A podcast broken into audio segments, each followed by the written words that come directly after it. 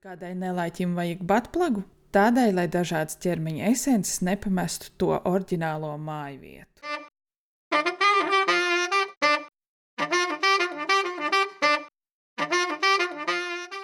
Paučika bauau! Vakar es esmu atgriezusies ar jaunu tēmu, un šodienas tēma, kā var noprast jau pēc nosaukuma, ir par seksa rotaļlietām, par intīmu preču veikaliem un ar to saistītām lietām. Pirmām kārtām pastāstīšu par seksa rotaļlietu vēsturi, kas ir nu dienu iespaidīga un gara. Ieturēšu nelielu pauzi, lai jūs spētu novērtēt manu izcilo kalambūru, kas saistīts ar vēsturi un locekļiem. Paldies! Parunāsim arī par intīmu preču reklāmām, kuras bija diezgan plaši izplatītas 20. gadsimta sākumā vidū, tā skaitā laikrakstā New York Times, kā arī pastāstīšu par vīriešu bailēm tik taistātiem ar silikona locekļiem. Ļoti centīšos atcerēties parunāt arī par seksu rotaļlietu aizliegumiem, kuri starp citu vēl joprojām eksistē vairākās valstīs un dažos Amerikas štatos. Podkāstu otrajā daļā Džeina un Madara atbildēs uz manis un klausītāju iesūtītajiem jautājumiem par seksa rotaļlietām, intīmpreču veikaliem un kādu pāru spēli, kas gan, jāsaka, paldies Dievam, nav monopols, jo tur vienmēr viss beidzās vai no šķiršanos vai Latvijas oligarhiem. Sveiciens Aivaram Lembergam! Pirms sāku ierakstīt šo epizodu un meklēt informāciju par seksu rotaļlietām un to vēsturi, man godīgi sakot, nešķiet, ka tā būs daudz sarežģītāka nekā manas attiecības ar bijušo draugu, bet īstās grūtības bija 20. gadsimta 50. gados. Bet, lai mēs nonāktu līdz 50. gadiem, kā jau vienmēr mums jāparunā vispirms par aizvēsturi. Vecākais līdz šim atrastais dildo bija izliekts fallisks priekšmets, kas tika izgatavots no alerīta, kas ir uh, specifisks akmens veids. Un tāds tika atrasts aptuveni 26,000 gadus pirms mūsu ēras Vācijas teritorijā.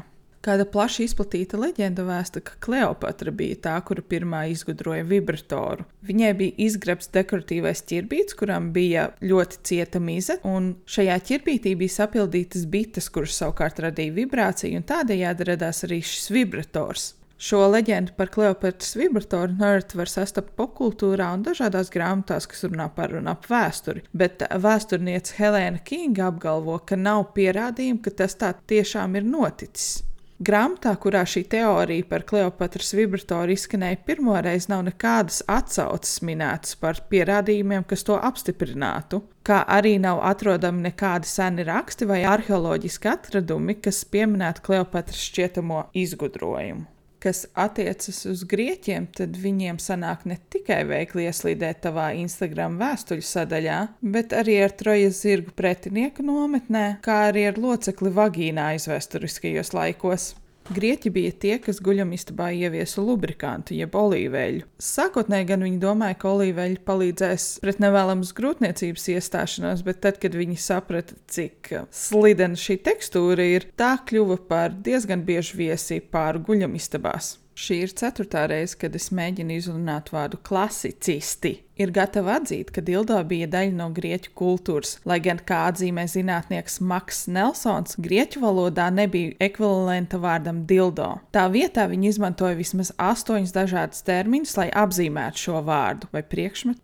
Visizplatītākais bija olizbos, Vārds, kas nozīmē ādas dzimuma loceklis, taču viņi arī izmantoja vārdu rotaļlieta, kas savukārt nozīmē, ka grieķi bija, teiksim tā, aizsākums seksa rotaļlietām. Japāna, protams, arī mums ir sniegusi savu ārtavu seksa rotaļlietu vēsturē.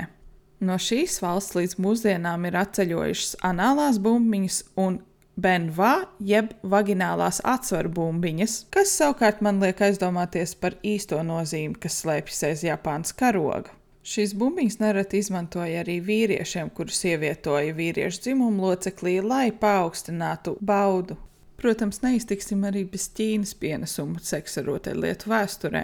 Ķīniešu aristokrāti baudīja meistarīgi veidotas nefrīta batplagus, jeb dibenaizbāžņus un bronzas straponus.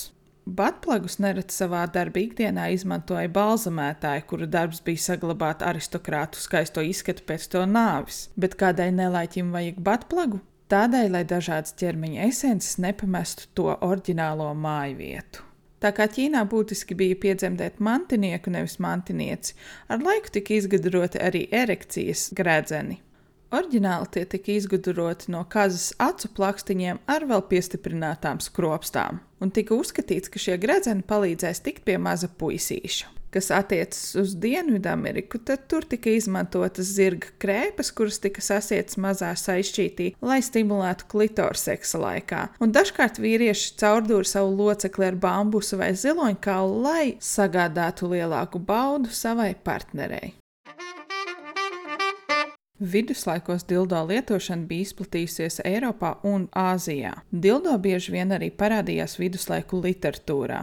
Ja kādam šķiet, ka viņam ir bijis neveiksmīgs Tinder randiņš, tad jums vajadzētu vispirms dzirdēt Tomasa Našes vai Nashes. Es nezinu to itāļu valodu. Dzējoli par Valentīna dienas izvēli. Kāds čalis Valentīna dienā vēlējās satikt savu brūti, bet viņš uzzināja, ka brūti strādā bordelī. Ko viņš izdarīja? Viņš izdomāja, ka viņš samaksās par nakti bordelī ar viņu un nodosies mīlas priekiem visu nakti. Vīrietis bija tik ļoti satraukties, ka viņš ejakulēja pirms dzimuma akta sākuma. Brūti bija nedaudz dusmīga, bet deva viņam otru iespēju. Otrajā raundā viņam izdevās seks ar savu sievieti, bet tas notika ļoti, ļoti īsu brīdi, jo viņš beidza pārāk ātri. Bēba kļuva neapmierināta un ne jau slinkojot un pūsot, viņa savu libido cels. Šī sieviete varēja būt arī tā, kur izgudroja mobbingu, jo tajā brīdī, kad viņa saprata, ka vīrietim neizdosies seks ar viņu, viņa paņēma savu dildo un sāka ar to masturbēt, vienlaikus apvainojot vīrieti dažādās bezjēdzīgās lietās. Viņa teica, ka viņas mazais dildo ir daudz labāks par vīrieti, jo tas stāv tikpat stīvi, kā tas būtu izgatavots no tērauda. Viņa arī uzsvēra, ka no dildo viņa nepaliks stāvoklī. Viņas izteiktais arguments ir pavisam vienkāršs. Dildo ir daudz labāks nekā vīrietis. Diemžēl šī doma ir atceļojusi līdz pat mūsdienām un nereti kalpo kā arguments, kādēļ vīrieši nevēlas, lai viņu partneris iegādājās seksa rotaļlietas, jo baidās, ka sieviete aizstās viņa locekli ar dildo. 17. gadsimtā jūrnieks sāka eksperimentēt ar seksa lēlēm, jeb kā viņi to sauca, dames de voyage, voyage, voyage. Lai izturētu vientuļās naktis garajos ceļojumos jūrā, viņi sasēja salmus kopā, kas atveidoja cilvēku tēlu un uzvilka tām virsū sieviešu drēbes. Mūsdienu Japānā seksuālēlas dažkārt tiek dēvēts par holandiešu sievām. Tā ir atsauce uz ar roku šūtām ādas masturbēšanas lēlēm, kuras izgatavoja 17. gadsimtā holandiešu jūrnieki, kuri savukārt tirgojās ar japāņiem. Visbeidzot, esam nokļuvuši industrializācijas laikmetā, kura galvenais iegūms, protams, ir vibrators. Viens no populārākajiem mītiem, kas skar seksuālotāju lietas, ir fakts, ka 19. gadsimtā un 20. gadsimta sākumā ārsti esot izmantojuši vibrators, lai ārstētu sievietes no histērijas. Šis mīts ir ņemts kā pamats vairākiem rakstiem, grāmatām, dokumentālajām filmām, kā arī vienai no populārākajām filmām par šo tēmu - 2011. gada filma ar tādu pašu nosaukumu - Histērija. Šis termins histērija nāk no grieķu valodas vārda histerika, kas nozīmē dzemde. 6. gadsimtā pirms mūsu ēras grieķu ārsts Aretrais izteica teoriju, ka dzemde var brīvi pārvietoties sievietes ķermenī, tādējādi izraisot sliktu fizisko un garīgo veselību. Kopš tā laika histērija tiek izmantota, lai aprakstītu daudz skaitas, kas skar sievietes, sākot no agresijas līdz ģipšanai un pat nimfomānijai un bezdēšanai. Vairāk vēsturnieku un pētnieki, diemžēl, šo gadu laikā nav atraduši pietiekamus pierādījumus vai faktus, kas apstiprinātu šo mītu, ka ar vibratoriem tika ārstēta sieviešu histērija. Angļu ārsts Džozefs Mortimers Granvils 1883. gadā izgudroja elektrisko vibratoru, lai gan līdzīgas mašīnas, piemēram, George Taylor ar tvaiku darbināmā galda masāžas mašīnīte, kurai nosaukums bija manipulators, jau tika izmantots Francijā un ASV. Šajā laikā arī plaši izplatītas bija dažādas reklāmas un brošūras, kurās ļoti aktīvi slavināja vibratoru labās īpašības.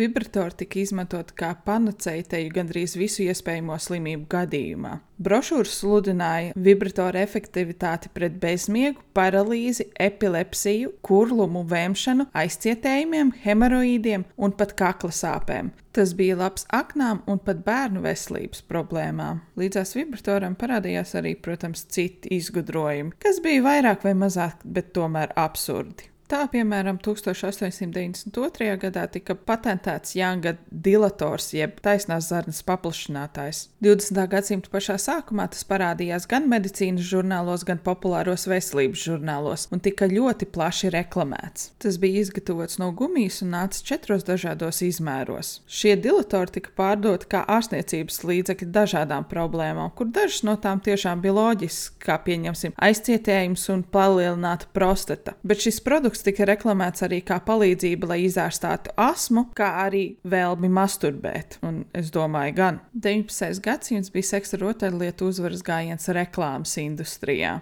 Dažādos katalogos tika reklamēta dildo labās īpašības, un, kas ir pārsteidzoši, dildo tika attēlots kā draudziņš vīriešiem, nevis kā draudiņš vīrietim.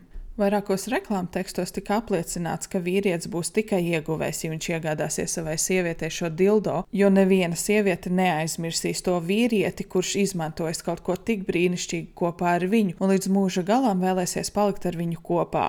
Tas ir ar vīrieti, nevis ar dildo. Dažos reklāmu aprakstos tika minēts, ka dildo ir nekaitīgs un penis ir sieviešu tiesību čempions, lai rīkots nozīmētu. 20. gadsimta sākumā vibratoru reklāmas bija visur, sākot no The New York Times un beidzot ar reliģiskajiem laikrakstiem. Vibratori bija pieejami pasūtīšanai pa pastu Sears un Macy's katalogos. Pat kāds 1919. gada populārs filmas sižets bija par vibratoru pārdevēju. Arī slavenības atbalstīja vibratorus. Piemēram, viena no Alfreda Hitchcocka zvaigznēm Mērija Andersona reklamēja tos, apgalvojot, ka vibrators viņai piešķir skaistu sejasādu bet 20. gadsimta sākuma vibratori vispār nelīdzinājās tiem vibratoriem, kādus mēs tos redzam mūsdienās. Tās bija smagas ierīces ar koka rokturu vienā galā un mazu elektromotoru otrā. Nedaudz līdzīgas slīpmašīnai, ja tā godīgi. Lielākā daļa no tiem darbojās ar elektrību.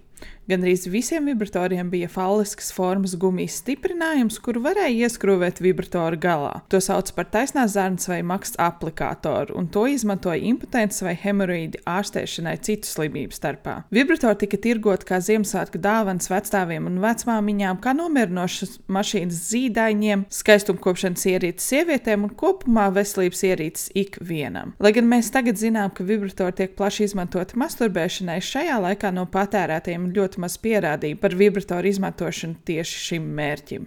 Nav iespējams noteikt konkrēto brīdi, kad vibratori tika uzskatīti kā kaut kādas seksuālas mašīnas, bet uz to diezgan daudz norādīja reklāmas, kurās parādījās sievietes, kuras turēja vibrators 20. gadsimta sākumā. Un šīs sievietes parasti bija ar īsiem bruncīšiem, īsiem krekliņiem un diezgan lielām krūtīm, protams. Un, ja tā pavisam godīgi saka, tad sākotnēji ārsti bija vairāk nobežījušies par vīriešiem, kuri lietoja šos vibrators, nevis par sievietēm. Kamēr gaisā virmo vibratoru un to reklāmas, Dildo arī turpināja savu uzvaras gājienu, bet starp abiem tomēr bija viena galvenā atšķirība.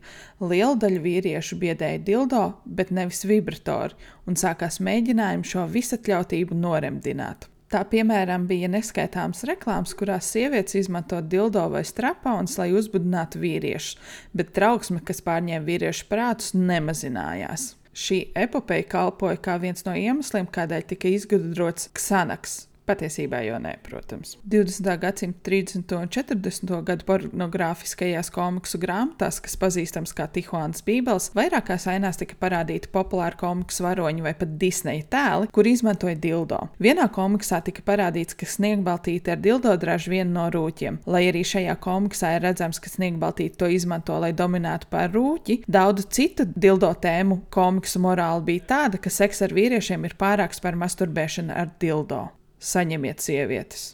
Gluži tāpat kā Kīvičam nenāk par labu izmantot Facebook, kamēr viņš ir pālī, tā arī 50. gadi nenāca par labu vibratoriem. Ap šo laiku uzraudzības iestādes sāka kampaņu pret vibratoriem, bet nevis tāpēc, ka tie būtu saistīti ar masturbēšanu, bet gan tādēļ, ka iestādēm bija problēmas ar vibratoru kā ārstniecisko līdzekļu un caur zaudzēšanas palīgu līdzekļu tirgošanu. Elektrisko vibratoru tika tirgot kā izcilu skaistumkopšanas palīglīdzekli, kas spēja pārveidot ne tikai sievietes seju, bet arī visu viņas ķermeni. Cita vibratora reklāmā tika solīts, ka katrai sievietei var būt nevainojama sejas krāsa un jauneklīga smalki proporcionāla figūra, piebilstot, ka turpmāk pulveri, krēmi vai polsteri nav vajadzīgi. Šādu pašu schēmu šobrīd piekopja tavi bijusī klases biedrene, kura pēc 15 gadiem te uzraksta messengerī, lai iesaistītu tevi kādā piramīdas schēmā.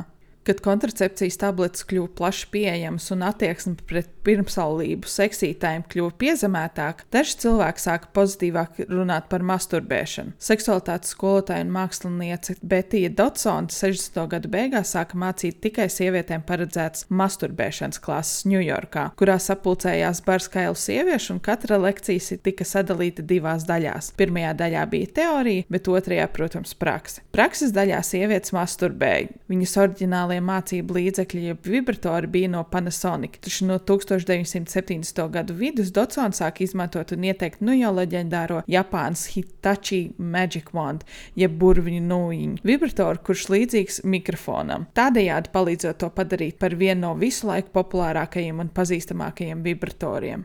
Šajās masturbēšanas klasēs daudzas sievietes vienkārši sasēdās aplītī vai kvadrātā un sāka ar vibratoriem masturbēt. Daudzas no tām sasniedza līdz pat astoņiem orgasmiem vienādas šādas lekcijas laikā, kas man liek pārdomāt savas augstskolas izvēli. 1974. gada rakstā Dotsona ierosināja sievietēm masturbēt, lai atgūtu savu seksuālo pašapziņu, ko sabiedrībā viņām ilgi liedza. Kā? Izmantojot vibratoru, protams, jo līdz šim sievietes orgasms bija atkarīgs tikai un vienīgi no vīriešiem, kuri ļoti atklāti bieži vien ignorēja klitoru. Dažkārt tas sastopams arī mūsdienās. Dotsona nebija vienīgā, kas cildināja vibratoru labumu. Britu ārsts Aleks Komforts par tiem sajūsminājās. Filmā Seksa prieks. Viņš apgalvoja, ka vibratori var radīt seksuāls izjūtas gandrīz jebkurai sievietei. Tomēr, lai kā cildinātu vibrators, uz masturbēšanu vibratoriem skatījās ar nosodījumu. Vairākās valstīs vibratori bija aizliegti kā seksuāli palīglīdzekļi. Lai apietu šos likumus, uzņēmumi tirgoja vibratorus kā personīgos masierus. Paralēli šīm visām peripētījām par un ap vibratoriem un to legalitāti, Ņujorkā atvērās pirmie feministu sekšopi. To sauca Eve's Garden un Good Vibrations. Šādi intīmpreču veikali bija nepieciešami, lai sievietes tajos justos droši. Līdz šim bija pieejamas tā saucamās grāmatnīcas, kurās varēja nopirkt pornogrāfiskāka rakstura komiksus vai vibratorus, bet līdzās tam visam atradās kabinītes, kur par 25 centiem vīrieši varēja lūkoties šajos žurnālos un masturbēt, kas sievietēm nelika justies īpaši droši vai patīkami. 20. gadsimta vidū parādījās arī vietējā ražojuma dildo un vibratori, kuri bija izgatavoti no daudz drošāka materiāla nekā līdz šim. Iepriekš izgatavotie dildo bija bieži vien no kairinoša materiāla, un tie bija tik ļoti poraini, ka gandrīz bija neiztīrāmi. Kā arī neaizmirsīsim, protams, par smaku. 20. gadsimta 60. un 70. gadi ir ne tikai brīdis, kad radās silikona dildo, bet arī dažādas krāsīs krāšņākai ikdienai. 1983. gadā seksa rotaļlietu uzņēmums Vibratex kļuva par pirmo, kas ASV ieveda vibrators ar iekšējām un ārējām komponentēm, jeb vienu klitorai, otru vagīnai. Šis rotaļlietas tika ražots košās krāsās un dzīvnieku formās, tādējādi apējot neķītrības likumu, kas tobrīd pastāvēja Japānā, kur tie tika izgatavoti. Bebram, ķēnguram un bruņurupucim bija iekšēji dzimumu loceklim līdzīga sastāvdaļa, kā arī dažādi veidi kairinātāji ārējai stimulēšanai. Taču slavens kļuva tieši trusis. Tas daļai pateicoties seriālam Seks un Lielpilsēta, jeb 1998. gada epizodē, kurā Šarlote kļūst atkarīga tieši no šī vibratora. Sex and the City varoņa atklātās diskusijas par seksualitāti pavēra iespēju normalizēt seksa rotaļlietas sabiedrībā. Seksa rotaļlietas ieguva atzinību, un uzņēmumi sāka strādāt, lai izstrādātu jaunākās un labākās preces un neatpaliktu no pieprasījuma. 80. gadu vidus un sākums bija aizsākums vienai no drausmīgākajām epidēmijām - HIV un AIDS. Šajā laikā īpaša uzmanība tika pievērsta tieši geju komunai, kurā tika atklāti vairāki gadījumi tika rosināts vairs nenodarboties ar dzimumu aktiem savā starpā, bet izmantot seksa rotaļlietas, lai nodotos tādām kā orģijām. Šī ideja tika pārņemta no Dotsonas vadītajām masturbēšanas klasēm. Kādu brīdi tika uzskatīts, ka daloties ar seksa rotaļlietām savā starpā, šo slimību nevar nodot viens otram. Tomēr ar laiku sāka dalīties domas šajā jautājumā. Saudabīs bija fakts, ka tie cilvēki un komunas, kas aizliedz gejiem dalīties ar seksa rotaļlietām savā starpā, šo pašu neatiecināja uz lesbietēm vai heteroseksuāliem pāriem. 80. gadu beigās un 90. gadu sākumā arī ļoti aktīvi sāka izplatīties tāda lieta kā seksa rotaļlietu pārdošana pie durvīm. Nu, no durvīm uz durvīm. Nu, tad, kad Tā kā nāk, pieņemsim, tev onkulis pārdot kartupeļus pie tavām durvīm. Tā notika ar seksa rotaļlietām ASV. Vibratori tika reklamēti kā nenormālākais palīgs pāru sadzīvē, laulībā, glābšana, nu, glābšanas riņķis un tā tālāk. Un tā nu pāri satikās, tur veidoja masturbēšanas seansus un izmantoja vibratorus, un viss bija baigi skaisti. Kā jau iepriekš tika minēts, 20. gadsimta beigu posmu ļoti spilgti iezīmēja tieši seriāls Sex and the City, kas palīdzēja sabiedrībā lauzt dažādus šķēršļus, jo īpaši jautājumos, kas skāra sievietes seksualitāti un sievietes pašapziņu. 21. gadsimts un internets mums ir atnesis ne tikai Lienas šomas, jobanos krēslus un draugiem LV, bet arī iespēju diskrēti un bez kauna sajūtas pirkt vibratoru internetā. 21. gadsimtā par seksualitāti un vibratoriem sāk runāt ļoti atklāti un plaši. Tā piemēram, Opras Winfrīs sarunu šovā kāda doktoriene ieteica mātēm, kurām ir pusaugu meitenes, ieteikt viņām sākt lietot vibratorus, lai iepazītu savu seksuālo baudu. Bet, protams, aizspriedumu un dubultstandarti joprojām pastāv. Tā piemēram, 2010. gadā MTV atteicās demonstrēt kāda vibratora reklāmu, ja vien netiks no reklāmas izņemts pats vārds vibrators ārā. Bet tajā pašā laikā tika atļauts reklāmas, kurās reklamēja produkts, kas varētu palīdzēt pret to, ka vīriešiem nestāv loceklis. Dažās vietās un valstīs vibratori joprojām ir nelegāli, tā piemēram, manās mājās. Jociņš, protams. 1998. gadā Alabamā ASV tika pieņemts likums, kas aizliedz pārdot jebkuru ierīci, kas izstrādāta vai tiek tirgota kā galvenokārt palīga līdzeklis dzimumu orgānu stimulēšanai. Sots par šādu pārkāpumu ir 10 000 ASV dolāru un viena gada cietumsots. Par šo pārkāpumu līdz šim ir arestētas vismaz divas sievietes. Teksasas 1973. gada antivibratoru likums joprojām ir spēkā, lai gan 2008. gadā kāds tiesnesis to pasludināja par antikonstitucionālu un neizpildāmu. Ārpus ASV, protams, ir vēl daudz citu vietu, kur vibratori ir aizliegti vai to likumība nav skaidra. Tostarp Maldivu salas, apvienotie Arābu Emirāti, Saudārābija, Taizeme, Malaizija, Indija, Vietnama un Latvijas Twitter sfēras anonīmo konservatīvo cilvēku burbulis. Mūsdienās seksa rotaļlietu klāsts, protams, ir krietni paplašinājies, sākot ar to pašu burvju nūjiņu, jeb Magic Wand no Hitachi, Beidzot ar maziem vibratoriem, kuri atgādina lūpu krāsu, kā arī, protams, vibratoriem, kurus tu vari vadīt no jebkuras vietas pasaulē caur telefona aplikāciju. Lai arī, protams, 21. gadsimtā pret seksa rotaļlietām daudz atvērtāka un foršākā tieksme, tomēr nereti vibratori joprojām tiek pārdoti kā masāžas rīki, un sieviešu masturbēšana joprojām tiek attēlota kā apkaunojoša, smieklīga vai netik vērtīga kā seks ar vīrieti. Nereti intīmpreču veikalos var novērot kā nievājošā attieksme no vīriešiem, tā arī sievietēm par seksa rotaļlietu nozīmi pāra vai personas privātajā dzīvē. Un kā jau sākumā tika minēts par seksa rotaļlietu un intīmpreču veikalu pasauli, daudz vairāk pastāstīs Džeina un Madara. Abas šīs dāmas atbildēs uz ļoti nozīmīgiem jautājumiem, kurus sagatavoju es un podkāsta klausītāji.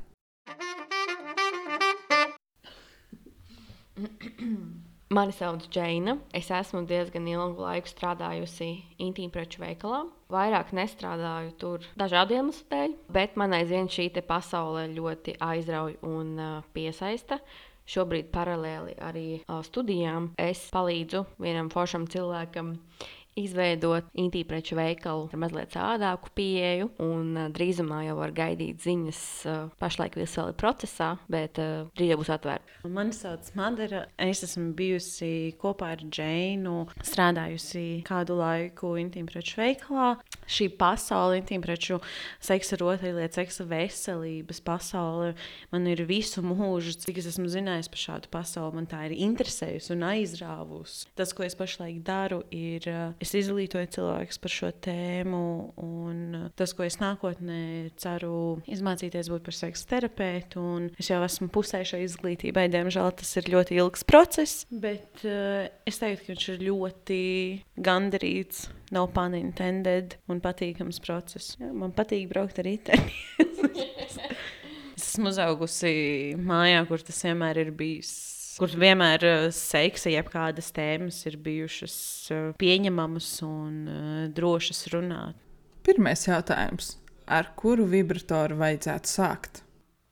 Šis, man liekas, ir viens no populārākajiem jautājumiem, ko uzdod cilvēki intīmpreču veikalu pārdevējiem. Doda, domādam, it kā būtu kaut kāda viena tāda universāla atbilde, kas derētu uh, visiem. Kaut gan patiesībā fakts ir tāds, to, ka vajag no sākuma, pirms vibratoru pirkšanas, patestēt savas rociņas, savus pirkstiņus, un um, kas kur kā patīk, un vispār saprast, kas patīk. Jo tu ienāksi veikalā, un nebūs, protams, tā, ka tev piedāvās kaut ko lielu un smagu un, un, un, un crazy, bet būs jautājumi, un tie jautājumi būs, vai jums vairāk patīk šis vai tas, un tad tev jāmāk ir atbildēt.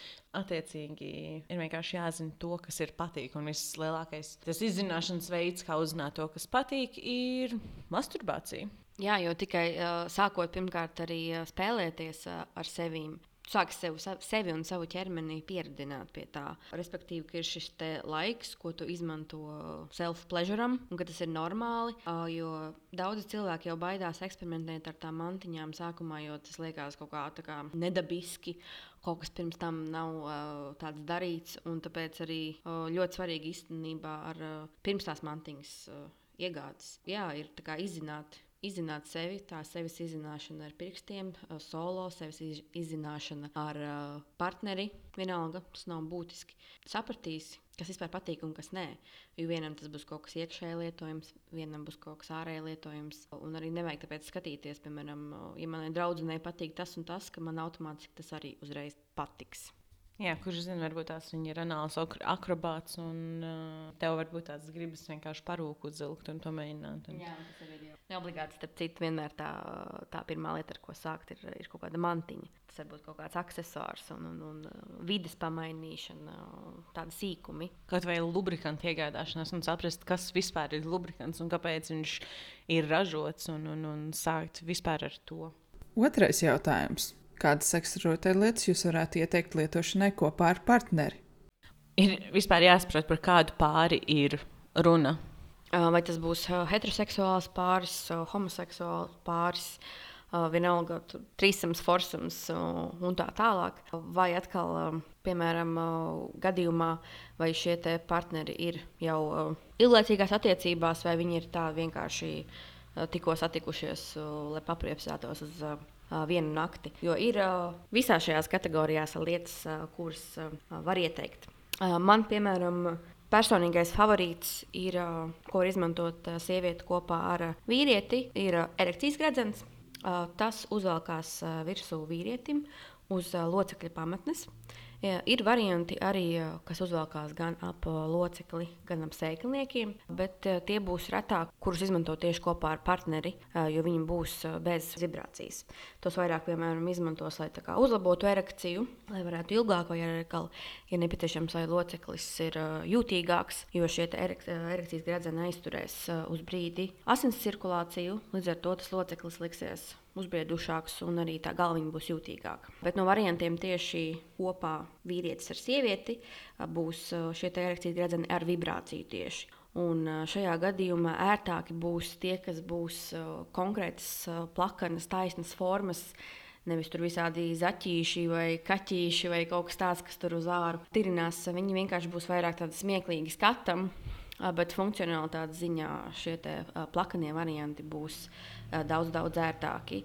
Un, ja kaut kādu konkrētu rotaļlietu nosaukt, tas būs tengas zīmola erekcijas gredzens. Ir standarta variants garuma ziņā, un tad ir arī viens, kas ir lielāks gan diametra ziņā tam pašam gredzenam, gan, gan arī šī vibro elementa uh, vietiņa būs garāka. Tāds visērtākais, viņš estētiski, funkcionāli, ļoti labs modelis, mazs neuzkrītošs. Tā kā tāda mazā reklāmiņa tieši šim konkrētajam gredzenam. Man personīgi gan uh, gan mans personīgais favorīts, gan arī tas, ko esmu cilvēkiem diezgan bieži ieteikusi. Arī uzreiz, ja mēs runājam par brandiem un nosaukumiem, tas būs Fun Factory Volta. Viņš ir tāds īstenībā diezgan interesants paskata mantiņa. Uh, kad uh, pirmais uzreiz tāds, ka viņi neizskatās bez nekāda locekļa. Viņam ir tāda kā saplēstas mēlītes uh, izskats, un mēlīte nevis būciņa, bet mazliet kaut kas savādāks. Un, um, Tas, ko viņa dara, tad, kad vibrē, viņš diezgan patīkami ir. Un kāpēc es saku, to var ieteikt visiem, vienalga, vai tas ir sieviete vai vīrietis, vai īsnībā tas ir pat pāris vai nav pāris. Ir tas, kad viņu var izmantot pilnībā uz jebkurām erogēnām zonām, attiecīgi krūtsgali, kakls, vienkārši kā masāža, un nerunājot nemaz teiksim, par uh, klitoriņiem, par locekļa galviņām, uh, sēklniekiem. Un, un, un, protams, uh, tāds uh, diezgan funky mantiņas izskats liecina, ka viņai ir mazliet funky arī tās funkcijas. Uzreiz tātad viņu var likt arī pie kakla, un tad uh, viss kakls un uh, mute vibrē, un tas orālais seks ir vienkārši kaut kas mazliet savādāks. Bet atkal šis būtu tas jautājums, vai gribas kaut ko interesantu pamēģināt, vai vairāk funkcionālu, un vai vispār ir kāda mantiņa pirkta, vai arī nav pirkta. Un, un, un. Bet es teiktu, ka tā ir viena no tām interesantākajām lietām. Trešais jautājums. Kāds būtu pareizais veids, kā tīrīt seksa rotaļlietas? Nu, vispār ir tāds uh, brīnuma līdzeklis, uh, kuru sauc Ūdens. ūdens. Omega ūdens. Tieši tā ūdens, jo nevienmēr seksa rotaļlietām ir nepieciešama kaut kāda specifiskāka kopšana ar speciāliem tīrīšanas līdzekļiem. Lielākajā daļā gadījumu pietiek tiešām ar vienkārši siltu ūdeni, ja tās ir mantiņas, kas ir lietojamas vagināli. Ja mēs runājam par mantiņām, piemēram, kas ir lietojamas anāli, vai arī vīriešu masturbātori, kurus jau pēc dabas ir vienkārši daudz grūtāk iztīrīt formas dēļ, tad pārējām mantiņām tā nevajadzētu. Šie būtu tie varianti, kur drošāk būtu, ja tā mantiņa būtu notīrīta ar ekstra vēl līdzekli. Man liekas, ir bieži sastopams dažādas vai nu spreji, vai arī putu formā, un attiecīgi kas kuram ir ērtāks. Bet uh, svarīgi būs vienmēr atcerēties to, ka uh, tas sprejs kā, nedezinficēs, un arī Covid gada dienā, gandrīz gada dienā. Es uh, domāju, ir ļoti svarīgi akcentēt to, ka mantiņas nevajadzētu tīrīt ar uh, roku dezinfekcijas uh, līdzekļiem. Kas ir jau kā reāli sterilizējošie, antibakteriālie, jo tas pamatīgi, pamatīgi izčakarēs gan maksts, gan analogu ļotādu. Mēs negribam dezinficēt un neko teiksim, pārāk medicīnisku, tīru ievietot sev iekšā. Kaut gan tas skan tā kā super forši. Un, tas, ko mēs vēlamies, ir notīrīt tā, lai mēs pēc tam nebūtu nekādas, teiksim, niezes, piena sēnes un tā tālāk. Jā, un ja mēs runājam konkrēti jau piemēram, par šiem specifiskajiem tīrīšanas līdzekļiem, konsistences ziņā, tad, manuprāt, masturbatoriem būs ērtāki tie, kas ir tieši putojošie līdzeklīši, jo viņi uh, aizies daudz dziļāk un uh, viņi var arī vienkārši ērtāk aizsniegt ar viņu. Jo tie, kas ir spreji, Tie pārsvarā ir domāti mantiņām, kas ir vagināli vai, piemēram, anāli. Stikla, metāla, tas pats silikons arī, jo viņas vienkārši uzpūš, atstāja uz pāris minūtēm, un tad no mantiņa vēl, vēl vienreiz noskalo ūdenī. Masturbatoriem prasītos, lai viņi tā kā pamērcējās, un līdz ar to tās putiņas būs labāks veids, kā viņus iztīrīt. Tie, kuri vēlas specifisku instrukciju, šī instrukcija skan šādi. Mēs pirms nomazgājam mantiņu no jebkurām uh, cilvēka um, izraisītiem fluīdiem, teiksim tā. Uh, tad mēs nomazgājam mantiņu. Nākošais mēs viņu labākajā gadījumā nomazgājam ar kaut ko īpašu, vai sprejs, vai putiņas. Mēs nomazgājam viņu vēlreiz pēc tam, un tad mēs viņu vai nu atstājam nožūt, Vai arī vēl kāda ir opcija? Otra opcija ir, ja uzreiz, piemēram, vajag sausu, tā kā tagad atpakaļ mantiņā jādodas ierindā, tad uh, var izmantot uh, nevis papīra kaut kādu salvetes vai papīra dvielīšus vai parastos roku dvieļus, bet uh, vislabāk lupatiņas vai mazos dvielīšus, kas ir no mikrošķiedras. Jo šie mikrošķiedras dvielīši ir absolūti citam nekam nederīgi. Jo rokas viņi nevar noslaucīt kārtīgi, tad, eh, bet mantiņā viņi noņem tieši perfekti to visu mitrumu, neatstājot nekādu pūku. Un uh, tie, kas slāpīs ar papīra dvieļiem, uh, var droši pēc tam padalīties, kā tas ir iznācis. Jo nu, teiksim, tā mantiņa nebūs lietojama vairs varbūt tās kā seksa rotaļlieta, bet varbūt tās kā dekora elements. Ceturtais jautājums. Kurš lubrikants ir labākais vaginālajam un kurš anālajam seksam?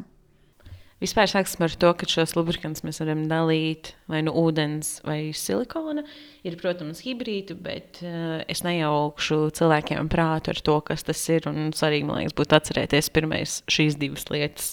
Tātad ūdens un silikons. Ūdens attiecīgi ir piemērots visam, slīd mazāk, un silikons nav piemērots visam, bet slīd labāk. Un arī, piemēram, ja mēs skatāmies uz uh, seksu ūdenī, dušā, vannā, tad arī silikona bāze būs daudz uh, foršāka, daudz piemērotāka, jo viņi neizšķīdīs ūdenī tik ātri kā ūdensbāzes lubrikanti. Bet, ja, piemēram, ir vaginālā ļoti tāda jūtīga uz kaut kādām alerģijām vai sastāvdaļām konkrētām, vai vispār pats cilvēks ir uh, dabiski jūtīgāks, tad uh, ūdens bāze būs arī pa sastāvdaļām jāskatās, viņi būs neitrālāki, un tad vajadzētu izvairīties no tiem, kuriem ir parabēni Glicerīns arī ir diezgan tāda alerģiska sastāvdaļa, un, un, un glicerīns uh, bieži taisa to pierašanas efektu. Kad ja mēs visu laiku izmantojam lubrikantu ar glicerīnu, tad uh, vēlāk viņš vienkārši nedarbosies tik labi kā sākumā, jo āda ir pieradusi. Silikona bāzes lubrikanti arī ir dažādi šķidrāki, biezāki. Tur ir jāskatās, kas vairāk patīk. Par anālo seksu un anālā seksa lubrikantiem bieži būs manāmi dažādi relaksējoši efekti, un šeit būtu ļoti svarīgi atcerēties to, ja jebkāds seks sāp, viņam nevajadzētu sāpēt. Attiecīgi, mēs darām kaut ko nepareizi. Es personīgi neieteiktu anālos lubrikantus, kuriem ir jebkāds relaksants,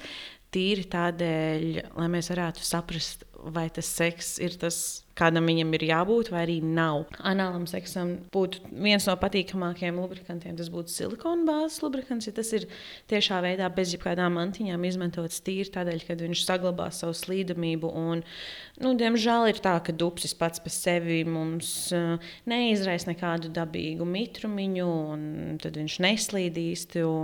Tāpēc mums ir vajadzīgs tas lubrikants īstenībā, un viņam nav jābūt ar nekādiem relaksējošiem efektiem. Un, bet, teiksim, ja jūs izmantojat silikona mantiņas, tad uh, vajadzētu vairāk izmantot to ūdensbāzes lubrikantu. Jo, diemžēl, ļoti nepatīkami ir tas, kad silikona lubrikants īstenībā bojā silikona mantiņas. Tātad silikons plus silikons ir mīnus tieši pretēji tas, ko mums mācīja kādreiz matemātikā, interesantā kārtā. Piektais jautājums. Kādus padomus varētu sniegt personām vai pārim, kuri pirmoreiz apmeklē intīmu preču veikalu un ir čučuļi sakautrējušies? Padoms. Neesiet kautrīgi. jo reālā situācija ir tāda, ka um, pārdevējiem, kas strādā intīpaču veikalos, uh, viņiem vienalga Nevis tādā ziņā, ka viņiem ir vienalga par klienta vēlmēm un labsajūtu, bet viņiem ir vienalga par jūsu šīm lietām, kuras jūsuprāt ir kaut kādas, nezinu, kinky vai, vai neķītras, vai jums liekas kaut kas nepiedienīgs, vai tā taču neviens nedara. Viņiem tā neliekas. Realitāte ir tāda, ka uh, grūti būs pārsteigt intīmu preču pieredzējušu pārdevēju ar kaut ko, ko viņi pirms tam jau nezinātu. Jo lielākoties ir tā, to, ka nav tā, ka tie cilvēki nav kaut ko dzirdējuši un redzējuši. Es vēlētos piebilst īstenībā.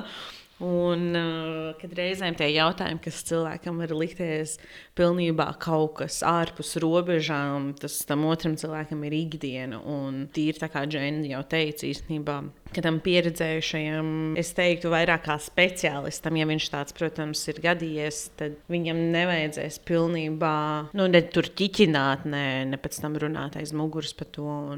Tas viss iekļaujas tajā darba aprakstā. Tas tā kā mēs varam aiziet pie um, frizieru un viņam pateikt, kādu frizūru mēs vēlamies. Un, Viņiem tā būs 50. frizūra tajā dienā, bet mums tā būs pirmā un, attiecīgi, arī intīma preču veikalos. Un es vairāk teiktu to, ka, protams, mēs varam teikt, lai cilvēki nestreso, bet tas īstenībā nepalīdz. Un es teiktu to, ka tas to stresu varētu mazināt pirms tam kaut kādā veidā sazinoties ar to veikalu, vai arī vienkārši ejot garām, tā kā ātri iemest kājām, paskatīties to, ka, hei, nav nemaz tik traki. Un, ja cilvēks spēj atbildēt uz jautājumu pieklājīgi un normāli, tad tā pieredze arī būs gan pieklājīga, gan normāla. Un tas ir tas, ko mēs, protams, visi vēlamies.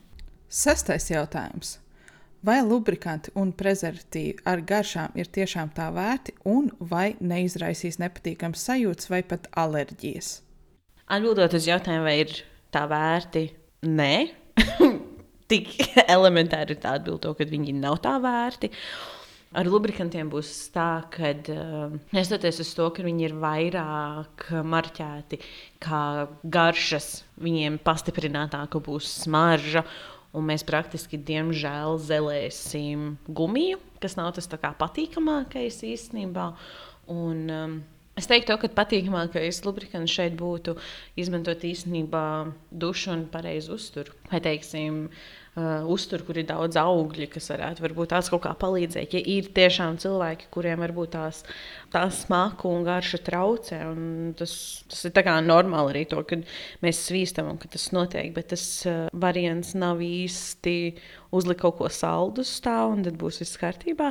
Bet, protams, reizēm gribas kaut ko vienkārši fanu pamēģināt un kaut ko interesantu. Un šajā gadījumā ir daudz kas cits, un uh, ar tiem lubrikantiem arī ir tā mazliet savādi. Jā, tas galvenokārt būs tāpēc, ka um, cukuri un uh, tāpēc šie lubrikanti būs gan alerģiski, gan arī uh, ķepīgi, lipīgi. Viņi īsti labi arī slīdamībai neder.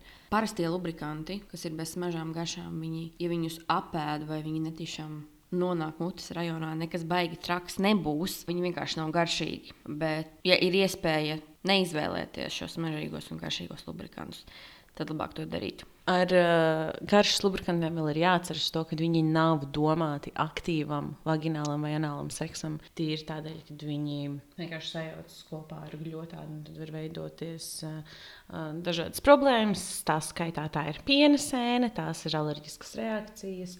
Tās ir nepatīkamas sajūtas, nieze, var arī būt urīntrakta infekcijas. Tātad, čurājot, kad sāp un ir dedzina un nepatīkami. Un tātad to mēs varam lietot uz Eh, ja ir vēlme viņus lietot, es teiktu, ka nelietot nekur vagīnas maksts zonā. Uh, viņu var lietot uz locekli, viņu var lietot uz krūtīm, uz ķermeni. Bet vai viņi ir tā vērti? Es teiktu, ka īsti nē. Septītais jautājums. Kuras ir pieprasītākās seksa rotaļlietas un attribūti, un vai tie tiešām ir tā vērti? Ja mēs skatāmies seksa rotaļlietu kategorijā, tad jāskatās, ir, ko šis tevis pieprasītākais nozīmē. Vai tas ir piemēram internetā lasot kaut kādas atsauksmes, kur visi saka, ka tas ir vislabākais, vislabākais, vai arī piemēram apmeklējot fizisku veikalu, intīmu preču veikalu, uh, kur cilvēki pērk kaut ko visvairāk, vai tas ir tiešām atzīts jau seksa rotaļlietu kritiķu, ja tā var nosaukt, vidē, nu, kur cilvēki tiešām, piemēram, raksta visādas atsauksmes par to, ko viņi saprot, un vai arī strādā šajā jomā un tiešām zina, ka tas ir vislabākais. Nevis vienkārši tāpēc, ka ražotājs ir izdomājis, ka tieši viņa produkts ir vislabākais. Bet viens no tām vispieprasītākajām uh, seksa rotaļlietām ir īstenībā gumijas un uh, silikona pinči, bet tā kā dildo, tātad nevibrējošas mantiņas, kas Es neteiktu, ir pašas labākās. Daudziem ir īstenībā alerģija no, alerģija no gumijas, un viņa nav tā patīkamākā īstenībā ķermenim. Atkarībā no ražotāju un lētuma pakāpes viņš arī var būt toksisks ķermenim. Un reizēm teiksim, tās vispieprasītākās seksa rotaļlietas nav tās labākās no šāda skatu punkta. Tagad cilvēkiem vienkārši nav bijusi informācija, uzzināt, hei, kas tad ir tas foršais un kas tad ir tas veselīgais un labais. Un ne tikai tas, kas manam ķermenim liks justies eh, labi kā baudas ziņā, bet kas manam ķermenim liks justies labi ilglaicīgi. Un, un tie attribūti, kas nāk klāt vienmēr seksa rotaļlietām, būs lubrikanti. Tas tā kā roka un cimds. Astotais jautājums. Kuras, jūsuprāt, ir nepienācīgi novērtētas seksa rotaļlietas vai attribūti? Es uzskatu, to, ka ļoti nenovērtēts ir stikls, metāls un anālās rotaļlietas priekš vīriešiem. Jā, man, piemēram, personīgi liekas, ka uh, ja no tādiem accessoriem tas ir uh, vinila paladziņš. Tā nav gluži seksa rotaļlieta, bet tas būs kaut kas, kas padarīs šo rotaļlietu vai vispār seksu, ja gribās iesaistīt kaut kādus šķidrumus, vai masāžas, kosmētiku, vai kaut kādus nuru krēmus, un, un, un tādus specifiskākus lubrikantus, vai daudz mantiņas, vai spēlēties ar skvirtu, piemēram. Un negribās domāt, kas pēc tam notiks ar maniem zīdu palagiem, tad uh, var izmantot šos vinila paladziņus. Un pēc tam viņš vienkārši notīrīt ar salveti vai noskalot ar mitru lupatiņu. Man personīgāk, protams, vairāk patikt, jo viņi nebūtu tik biezi, tik masīvi, bet uh, varbūt nākotnē kaut kādas ērtākas, estētiskākas versijas varētu arī izmantot. Bet eh, šis te riktīgi atvieglo uzkopšanu, par ko mums seksa laikā negribās domāt. Bet pēc tam, kad viss beidzas, tad, protams, pieaugušo dzīve atsākās un viss ir jāsavāc un jāsatīra. Tad uh, rīktīgi daudz ātrāk to var izdarīt, ja ir šāds paladziņš. Jā, par palīdzību pilnībā piekrītu. Tā ir, man liekas, numur viens lieta, kas uh, būtu tik fantastiska būt. Tīri tāpēc, ka pēc uh, jebkādām izklaidēm tu kā pamosies un tāds. Oh, my God, es esmu reālajā pasaulē, un pēkšņi man ir jātīra lietas. Bet uh, arī viens no attribūtiem, kas ir īstenībā daudziem trūkst, ir lubrikants, ap kuru īstenībā iet tabū mazliet. Pēc idejas ir kā, ka nē, man kā sievietei parasti viss ir kārtībā, un man jau nevajag papildus lubrikantu. Arī daudz vīriešu saka arī to, ka nē, mums viss ir kārtībā, un stāsts jau nav par to, vai viss ir kārtībā vai nē, jo patīkamāk slīd, jo patīkamāk visa spēle ir tas ieļots rats. Ja viņš ir ieļots pēc savas dabas, tad kā, nu jā, viņš griezīsies un būs ok, bet nebūs tas patīkamais, kas varētu būt ar lubrikantu. Un, jā, un, ja runā par to pašu stiklu, metālu un anālām rotaļlietām, priekš vīriešiem es arī teiktu, to, ka cilvēkiem parasti vai nu biedē tas izskats, tā funkcija, un vienkārši daudz cilvēku netiek informēti par to gana daudz. Stikls un metāls pats par sevi ir ļoti kā, interesants materiāls temperatūras kontrolas spēlē. Viņu pirms izmantošanas var sasildīt ar siltu ūdeni, noskalojot vai arī uz brīdi ielikt leduskapī vai vēsā ūdenī. Nevajadzētu saldētavā likt, bet uh, bišķiņ, bišķiņ tikai vēsumā paturēt. Un tad uh, var spēlēties ar sajūtām, izmantojot vai nu ārēji ķermenim pieskaroties, vai nu jau iekšēji vagināli, anāli. Un tad uh, silikona mantiņš šādu iespēju uh, nepiedāvā. Jā, un reizēm tas patīkamais smagums, kas nav teiksim, tas lēts, eh, reizēm plasmas, kas citiem varbūt tās ir arī smags, bet uh, varbūt diezgan patīkams. Un dažādas ielocītas formas var aizsniegt kaut ko to, ko uh, nevar citas mantīgas varbūt tās aizsniegt, ir tāpēc, ka viņam vienkārši nav tāda stipra izloka. Devītais jautājums. Kuras ir tās intīmpreces un attribūti, kuras nav domātas iesācējiem, un pirms to lietošanas ir nepieciešama ļoti laba izpēta par to lietojamību? Es teiktu, ka tas pavisam noteikti ir BDSM gals. Īsnībā tā var būt jebkura mantiņa, bet visnoteicošākais tas būs BDSM gals. Tādēļ, ka cilvēkiem liekas, to, ka Viņi var paņemt da jebko, un es šo zinu, un es māku izmantot. Un patiesībā tā nav, jo daudziem cilvēkiem trūkst zināšanas, kā pareizi izmantot to lietu. Un mēs vienkārši, ko mēs kā sabiedrība darām, ir mēs iedzinām lielākus mītus, stereotipus un nepatīkamu pieredzi saistībā ar kaut ko, kas īstenībā var būt ļoti patīkams, grandios un superforši īstenībā. Un, uh, tas sākas ar visai, visām pletnēm, ar uh, virvi. Piemēram, cilvēki, kur nemāk siet virvi attiecīgi pareizi, var izdarīt dažādus nervu bojājumus cilvēkiem. Tīri nepareizi viņi nosienot uz dažādiem punktiem, mutes aizbāžņu, vai arī, man liekas, kā tautā angliskoti ir tautai saprotams, ir mouth gags, vai tas ir metāla vai plasmas un cik ērti ir. Un tas man reiz arī sanāca strādājot tāda pieredze, to, kad esmu redzējis to, kad kādam iesaka metāla melnāka pirmai reizei, kas ir diezgan īstenībā drausmīgi.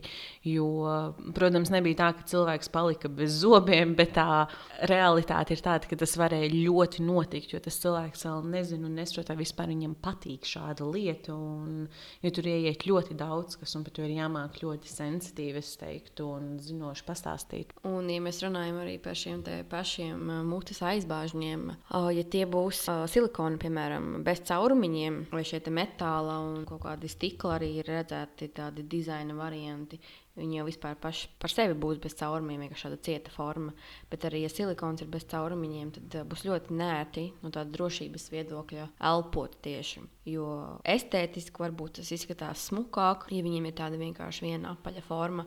Bet tie caurumiņi ir ne tikai dekoratīvi, bet arī paredzēti reāli funkcionālai lietošanai, lai varētu ērtāk elpot. Jo procesa laikā, kad uh, sevišķi uh, kaut kādas spraigākas sajūtas vai sāpes jaucās ar baudu, tad uh, aizmirstās par tādām drošības lietām. Un, un, un tāpēc noteikti ir.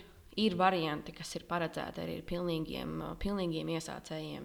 Tie paši mutes aizbāžņi, pletnes, roku dzelži, kāda veida kaut kādas sasaistes. Un tad ir tādi varianti, kurus noteikti nevajadzētu pasūtīt internetā un tad vakarā prezentēt savam partnerim. Un atrapties ar to, ka ir jāzvanā ātrajai palīdzībai, ugunsdzēsējiem, jo tas ir savos roku dzelžos iesprūdis un nezinu, kā tagad tikt ārā. Desmitais jautājums. Kur ir tā dārgā rotaļlieta, kurā ir vērts ieguldīt naudu, un kur ir tā, kurā absolūti nav vērts ieguldīt naudu? Ja mēs runājam par brendiem, es teiktu, ka tas, kurā nav vērts ieguldīt, būs Lelo. Tā tā diezgan, man liekas, pazīstams, estētiski skaists, ļoti labs mārketings ir, bet Bet uh, pārsvarā viņi būs tikai tādi vizuāli baudāmi. Uh, protams, ir daži modeļi arī no Lelo, arī, kas man pašai personīgi patīk, kur tiešām ir gan skaisti, gan arī funkcionāli. Bet uh, pārsvarā šis būs viens no tiem stāstiem, jā, kad, tas, kad pērk zīmolu, pērk, teiksim, tā arī seksa rotaļlietu pasaulē ir status no rotaļlietām, kas būtu nu, salīdzinoši dārga, bet būtu tā vērta. Arī noteikti gan jau kaut kas ir uh, dzirdēts, tā ir diezgan uh, populāra un diezgan pieprasīta rotaļlieta uh, tieši sievietēm, ir womanizer. Tas ir klitorālais stimulators, kas darbosies nevis ar vibrāciju, bet jau ar gaisa plūsmu. Tā sajūta būs tāda vairāk tāda līdzīga tādai maig, maigai sūkšanai. Un tad šī ir tā mantiņa, kas arī vizuāli ir skaista. Dažādi modeļi, dažādi varianti pēc, pēc ātrumiem, arī pēc intensitātēm. Un viņā tiešām būs arī vērts ieguldīt. Lomanēzeris būs burtiski kā Porsche starp visām seksa rotaļlietām. Skaisti izskatās ar ļoti fantastisku motoru. ja kāds zina par mašīnām, es gan neko nezinu par mašīnām, bet es zinu par seksa rotaļlietām.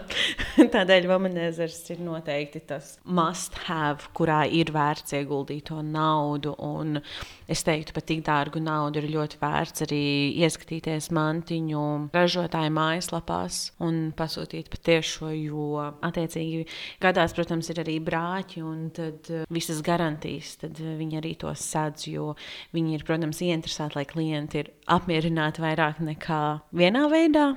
Un, un, un, Tā kā jā, noteikti ir vērts ieguldīt. Un par vīriešiem? Vīriešiem, es domāju, jau pirms tam arī tas pieminētais tengas erekcijas gredzens.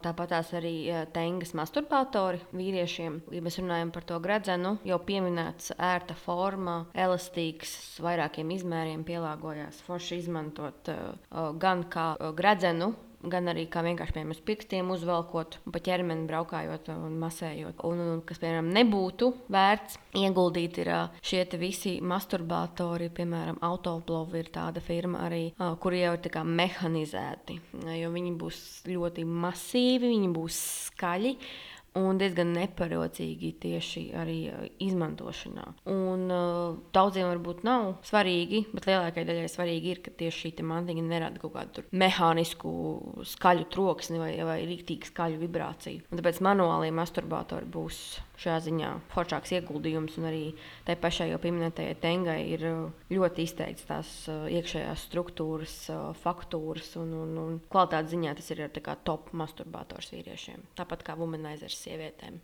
Un, ja mēs runājam par masturbatoriem, kā izvēlēties teiksim, tādu, kas ir patīkamākais, attiecīgi uzreiz ir rieviņas, tas iekšējais reliefs. Jo interesantāks reliefs, jo patīkamāka pieredze. Jo mazāks reliefs, jo mazāk intensīva pieredze. Bet tās jau izmanto kaut kam citam.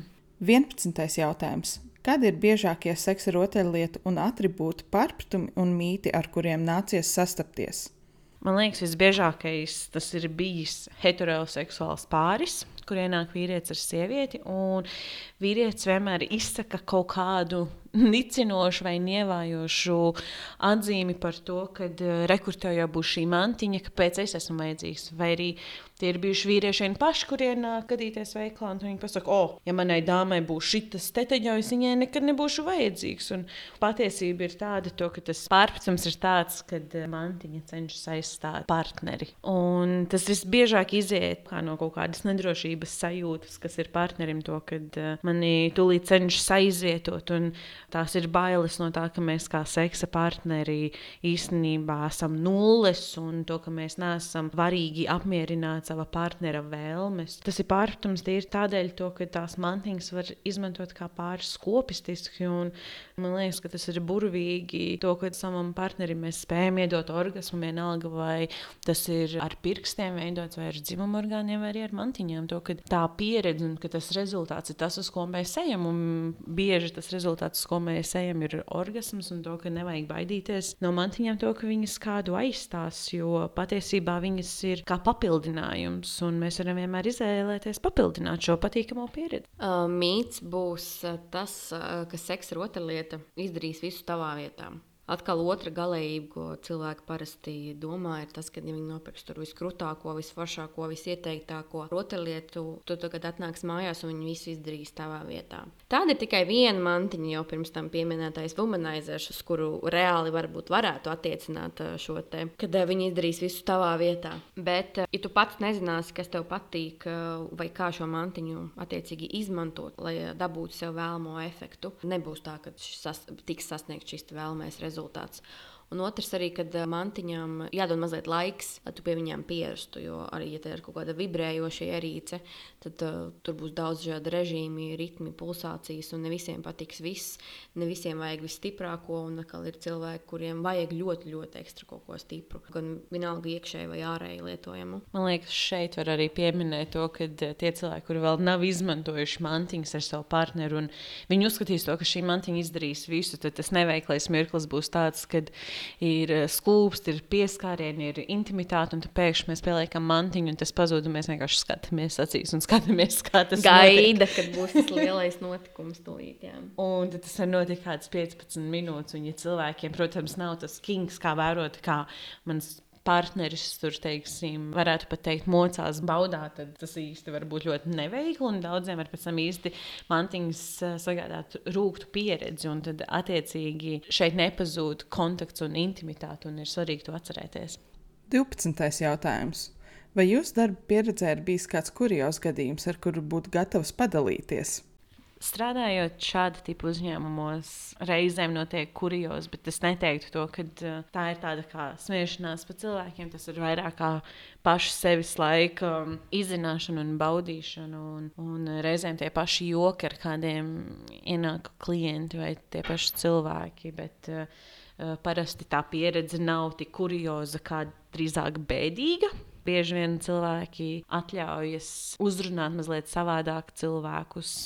Piemēram, es atceros, man strādājot, ir bijuši vairāki gadījumi, kad ienākot veikalā, klāju uzmācis, kas tā kā galīgi nav patīkami. Piemēram, man patīk, ka bez sasveicināšanās man pajautā, vai tev patīk, ka tev sasien? Protams, tu nevari īsti sabīties no šādiem jautājumiem, jo šādiem cilvēkiem tas patīk. Un tad, attiecīgi, sanāk atbildēt ar kaut ko tikpat muļķīgu, nevājošu pretī. No malas tas var likties kuriozi. Reālajā situācijā ir tā, ka uh, tiešām tie kuriozie vai kaut kādi smieklīgie vai jauki smieklīgie dažreiz stāsti vai kaut kādi komentāri viņi nepaliek atmiņā tik ļoti kā kaut kas, kas eh, kā, mazliet izsit tevi no līdzsvara. Piemēram, eh, ļoti populārs jautājums ir, vai pie jums var eh, dabūt kaut kādus dzērieniņus, vai ripiņas, vai pulverīšus, vai šķidrumiņus, ko var ielikt kādam dzērienā, lai viņš tevi gribētu. Un tad uz šiem jautājumiem vienmēr gribās atbildēt, vai jūs taisties kādu izvarot. Jo nav nekas tāds, ko tu gribētu apēst, iedzert, iešņaukt, kas tev fiziski liktu otru cilvēku gribēt. Ir kaut kādi krēmiņi un stimulējošā kosmētika, kas ir ārēji lietojama, vai, piemēram, iekšēji vagināli, bet nevis ēdama vai dzerama. Tas bišķiņ jau ir tāds jautājums, kas um, iet uz to, uz to melno pusi. Līdz ar to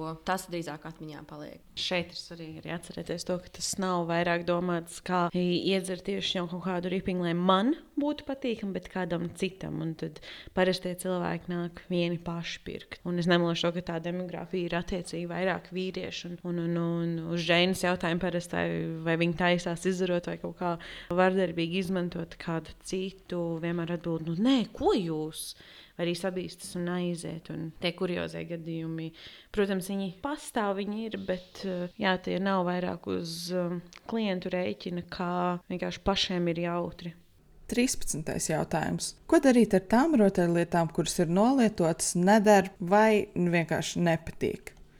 Jā, nu, ir tā, ka nav nekāda seksa rotaļlietu pārstrādes rūpnīca vai nolietotu rotaļlietu pieņemšanas punkts. Un uh, arī, ja, uh, ja mantiņa ir piemēram pārstājusi strādāt garantijas laikā, tad arī uh, aiznesot vai atgriežot ražotājiem uh, šo rotaļlietu, nebūs tā, ka viņi tur kaut ko labos un sūtīs atpakaļ. Visticamāk, vienkārši mantiņa tiks nomainīta uz jaunu. Un tad, ja ir bijusi rotaļlieta ar vairākiem cilvēkiem ar vienu to pašu sūdzību, piemēram, nestrādā tas un tas vai nelādējās, tad viņi vienkārši ies cauri un skatīsies, kas ir bijusi tā tehniskā problēma, lai novērstu to nākamajā ražošanā. Bet salabot viņas, diemžēl, šobrīd nav iespējams. Un, un, un ja mantiņa nepatīk, tad arī ir variants, ka mēs esam pārāk maz devuši laiku šai mantiņai Jo nebūs tā, ka ar pirmo reizi sapratīs visu, kas ko kā darīt. Uh, otrs variants var pamēģināt uh, šo mantiņu kombinēt ar kaut kādām citām mantiņām. Ja, piemēram, tas ir ārēji uh, lietojams uh, vibrators vai, piemēram, masažieri. Viņus forši var izmantot arī vienkārši muguras masāžai. Ja tas at atkal ir kaut kāds vibrators, kas ir iekšēji lietojams, tad viņu var izmantot arī ārēji masāžai, klitoram, krūtsgaliem. Uh,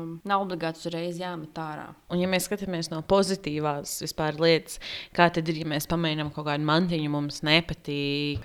Mēs vismaz zinām, kas mums nepatīk. Un tas izslēdz varbūtību to, ka nākamā mantiņa, kura būs, būs nepatīkama, vai arī tieši otrādi, ka viņa varētu būt patīkamāka.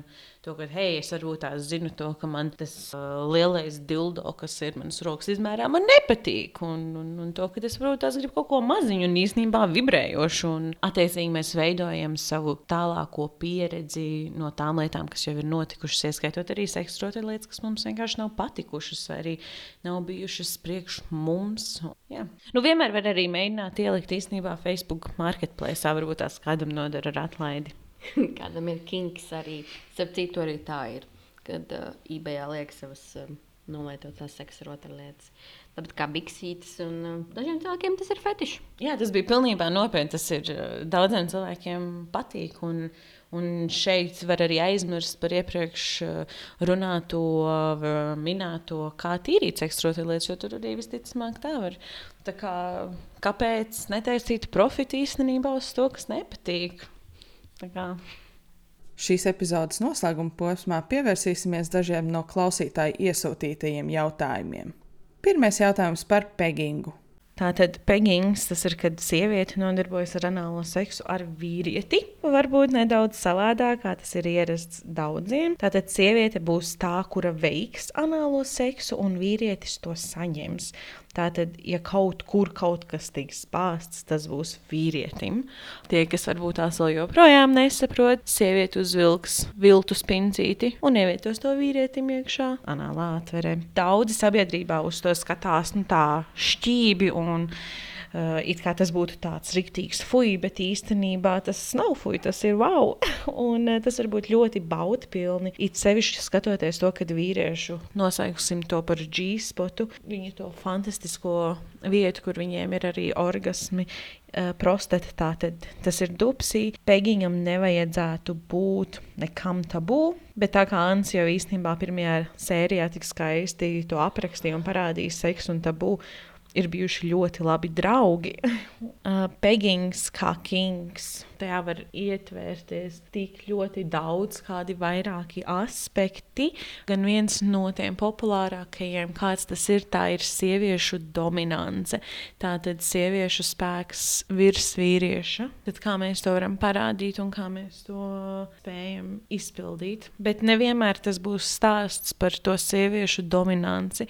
Tas būs stāsts par baudu. Daudziem vīriešiem ir kauns atzīt to, Tātad tas, kad viņiem patīk pegings, uh, jo arī īsnībā seks un kauns ir bijuši labākie draugi. Nu, tā kā anālais seks ir uh, uzskatīta vairāk kā tāda pasīva nodarbe, tātad domāt tam, kas ir vājāks un sabiedrībā sievietes tiek uzskatītas vājākas, uh, tad uh, tas it kā neiet roku rokā ar to, ko daudz partneri gribētu. Kā, un, bet, protams, vīrietim ir jābūt arī tam spēcīgajam visu laiku, pat arī iedomātās lietās un lietās, kur tas pavisam tā nenotiek. Un, tas, protams, viss ir sarkasms un tas, ka vīrietim ir jābūt spēcīgam, es domāju. Un, uh, Tam nav jābūt pasīvai nodarbei, kaut vai tu esi tas pasīvais, kas saņem šo.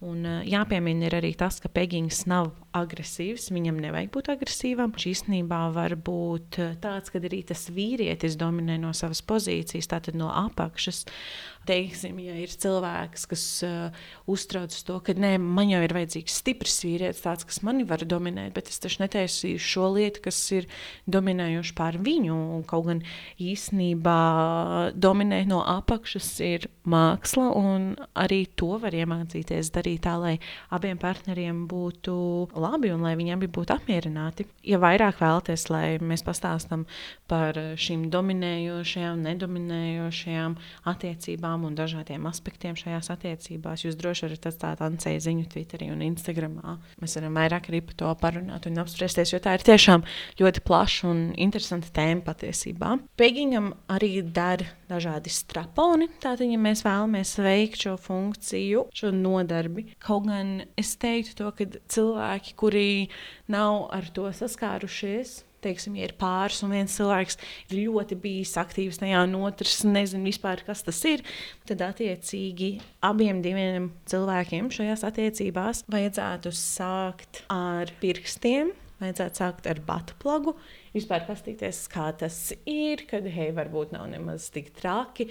Nevajag skriet maratonu cilvēkam, kurš nav iemācījies staigāt. No sākuma mēs mēģinām ar tām mazajām un vieglajām lietām, un pēc tam mēs tikai varam teiksim, aiziet uz kaut ko vibrējošu, teiksim, vibrējošu batu plakus. Tā lai mēs paskatāmies to, kā tas ir, kad ir papildus stimuls tomēr, un tad tālāk jau var paņemt kaut ko ekspresīvāku, un ja ļoti patīk, un ja mēs jūtamies jau komfortabli vispār šajā pozīcijā, tad mēs varam izaugt līdz tam straponam straponam. Un strapons pats par sevi viņš var būt kā josta, kurai piestiprinās klāt dildo, tātad nevibrējošais draugs. Arī attiecīgi tas var būt vibrējošs silikona draugs, kurš stimulē gan sievieti, gan vīrieti.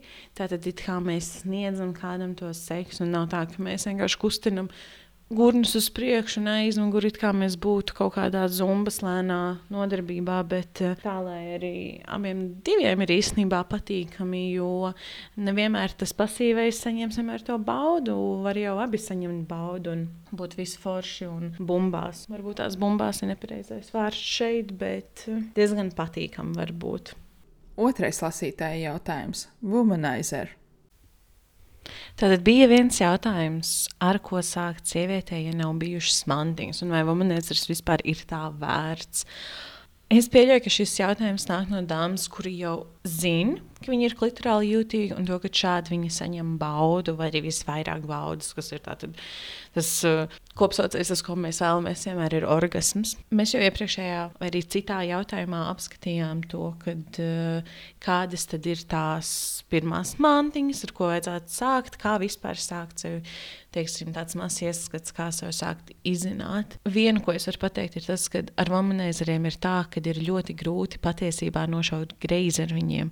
Un, ja ir kāda mantiņa, kura ir tā naudas vērta, tas būs womanizeris. Attiecīgi, ja cilvēks zina to, ka viņš ir klitorāli jūtīgs, viņš vēlas ieguldīt labā mantiņā, kas kalpos ilgu laiku un kalpos tā, ka nu, baučka, wow, wow, un tā, ka gribēsies viņu izmantot un būs patīkami, tad womanizers ir pavisam noteikti tā lieta īstenībā, kuru lietot. Diezgan neis. Protams, var paskatīties, kādi modeļi ir patīkamākie, tas, ko mēs vēlamies, vai arī tas, ko mēs varam atļauties, un uz priekšu. Trešais un pēdējais lasītāji iesūtītais jautājums - erekcijas gredzeni. Atbildot uz jautājumu par erekcijas gredzeniem, kāpēc tos izmanto un kāds ir to mērķis? Primāri erekcijas gredzenus izmanto, lai uz brīdi principā aizturētu asins cirkulāciju loceklī, un līdz ar to loceklis liksies lielāks un cietāks. Efekts ir gandrīz redzams uzreiz. Ja pirms tam nekad erekcijas gredzeni nav lietoti, tad principā noteicošie faktori, lai izvēlētos savu pirmo gredzenu, būs forma, platums, elastība, cik viņš ir ciets vai cik viņš ir mīksts. Sākumā noteikti vajadzētu sākt ar erekcijas gredzeniem, kas ir platāki paši pēc savas formas, nevis tādi, kas būtu vairāk līdzīgi kā piemēram matu gumijām, tievi un šauri. Bet tiešām jau tādu nu, puscentimetru un vairāk platumā. Viņi vienkārši izdalīs šos spiedienu daudz vienmērīgāk nekā tie, kas ir pavisam, pavisam šaurie. Pavisam šaurie ir cilvēki, protams, kuriem patīk arī mazliet varbūt spiedošas sajūtas. Vairāk nekā tas būtu vajadzīgs, bet tas jau vairāk būs uz tādu fetiša pusi.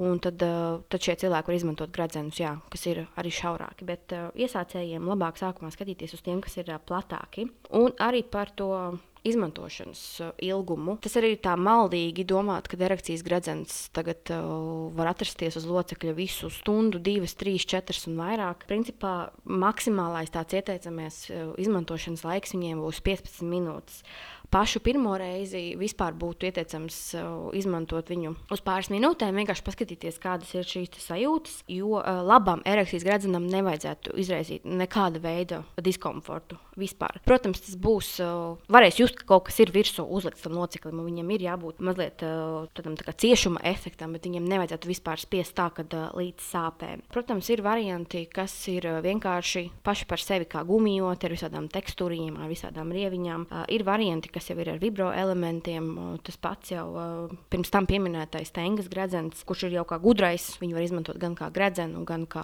uz rokas uzvelkamu vibratoriņu. Viņiem būs ļoti forša tā forma, tā apakšējā. Viņš būs plats un viņš būs arī elastīgs, jo tas jau būs no silikona. Uzvilkt viņus principā vajadzētu jau pilnā erekcijas stāvoklī, pašās beigās.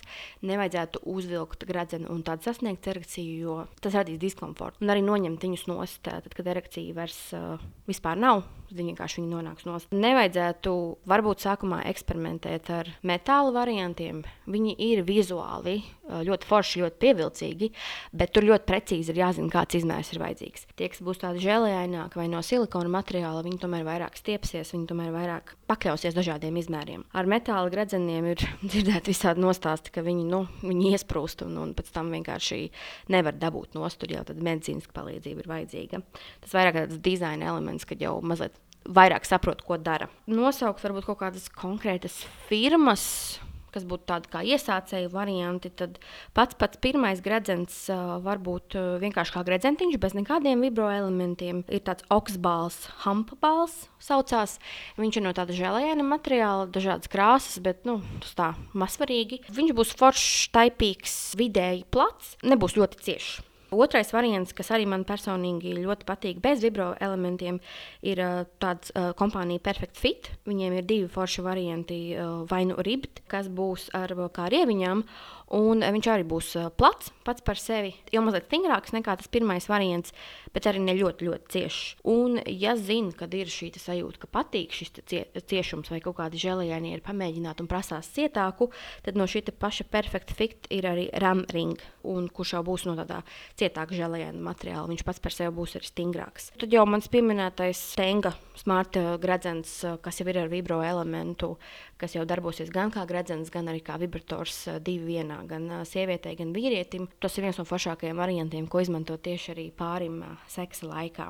Un arī, lai erekcijas gredzenus vieglāk uzvilktu, var mazliet ielubricēt. Ļoti, ļoti nevajag. Ja viņš būs pārāk slīdīgs, viņš arī turp šurp kustēsies, nestāvēs, bet mazliet, piemēram, sevišķi vairāk ir ķermeņa apmetojums, lai nav tā, ka matiņa ieķerās un tad arī kaut ko izrauj to, ko vajag. Skatīties tiešām to drošību, skatīties pēc sajūtām, ja tomēr ir pārāk spiedoši, tad ņemam nost, varbūt ir nepieciešams lielāks izmērs, jo viņi arī kaut vai ir elastīgi, tās ciešuma pakāpes būs dažādas. Ja, piemēram, pasūtot internetā, gribās super, super pārliecināties, vai tiešām nebūs tā, ka būs pa mazu vai pa lielu, tad var uh, pilnā erekcijas stāvoklī loceklim apkārt uh, aplikt diedziņu. Tad to diedziņu vienkārši pret lineālu izmērīt, un tad precīzi varēsi uzzināt savu apkārtmēru. Tad jau skatīties vai nu pēc apkārtmēriem, vai pēc diametriem, kā kura kompānija piedāvā šos variantus. Un ar šo arī ir noslēgusies šīs dienas epizode. Ļoti ceru, ka uzzinājāt atkal jaunu informāciju. Ja ir kādi jautājumi, neaizmirstiet man rakstīt Twitterī, Instagram, Facebook, e-pastā. Es nezinu, varat uzrakstīt man arī vēstuli. Ja vajag man adresi, rakstiet man privāti. Un tiekamies nākamreiz, kad parunāsim nedaudz par BDSM. Bye!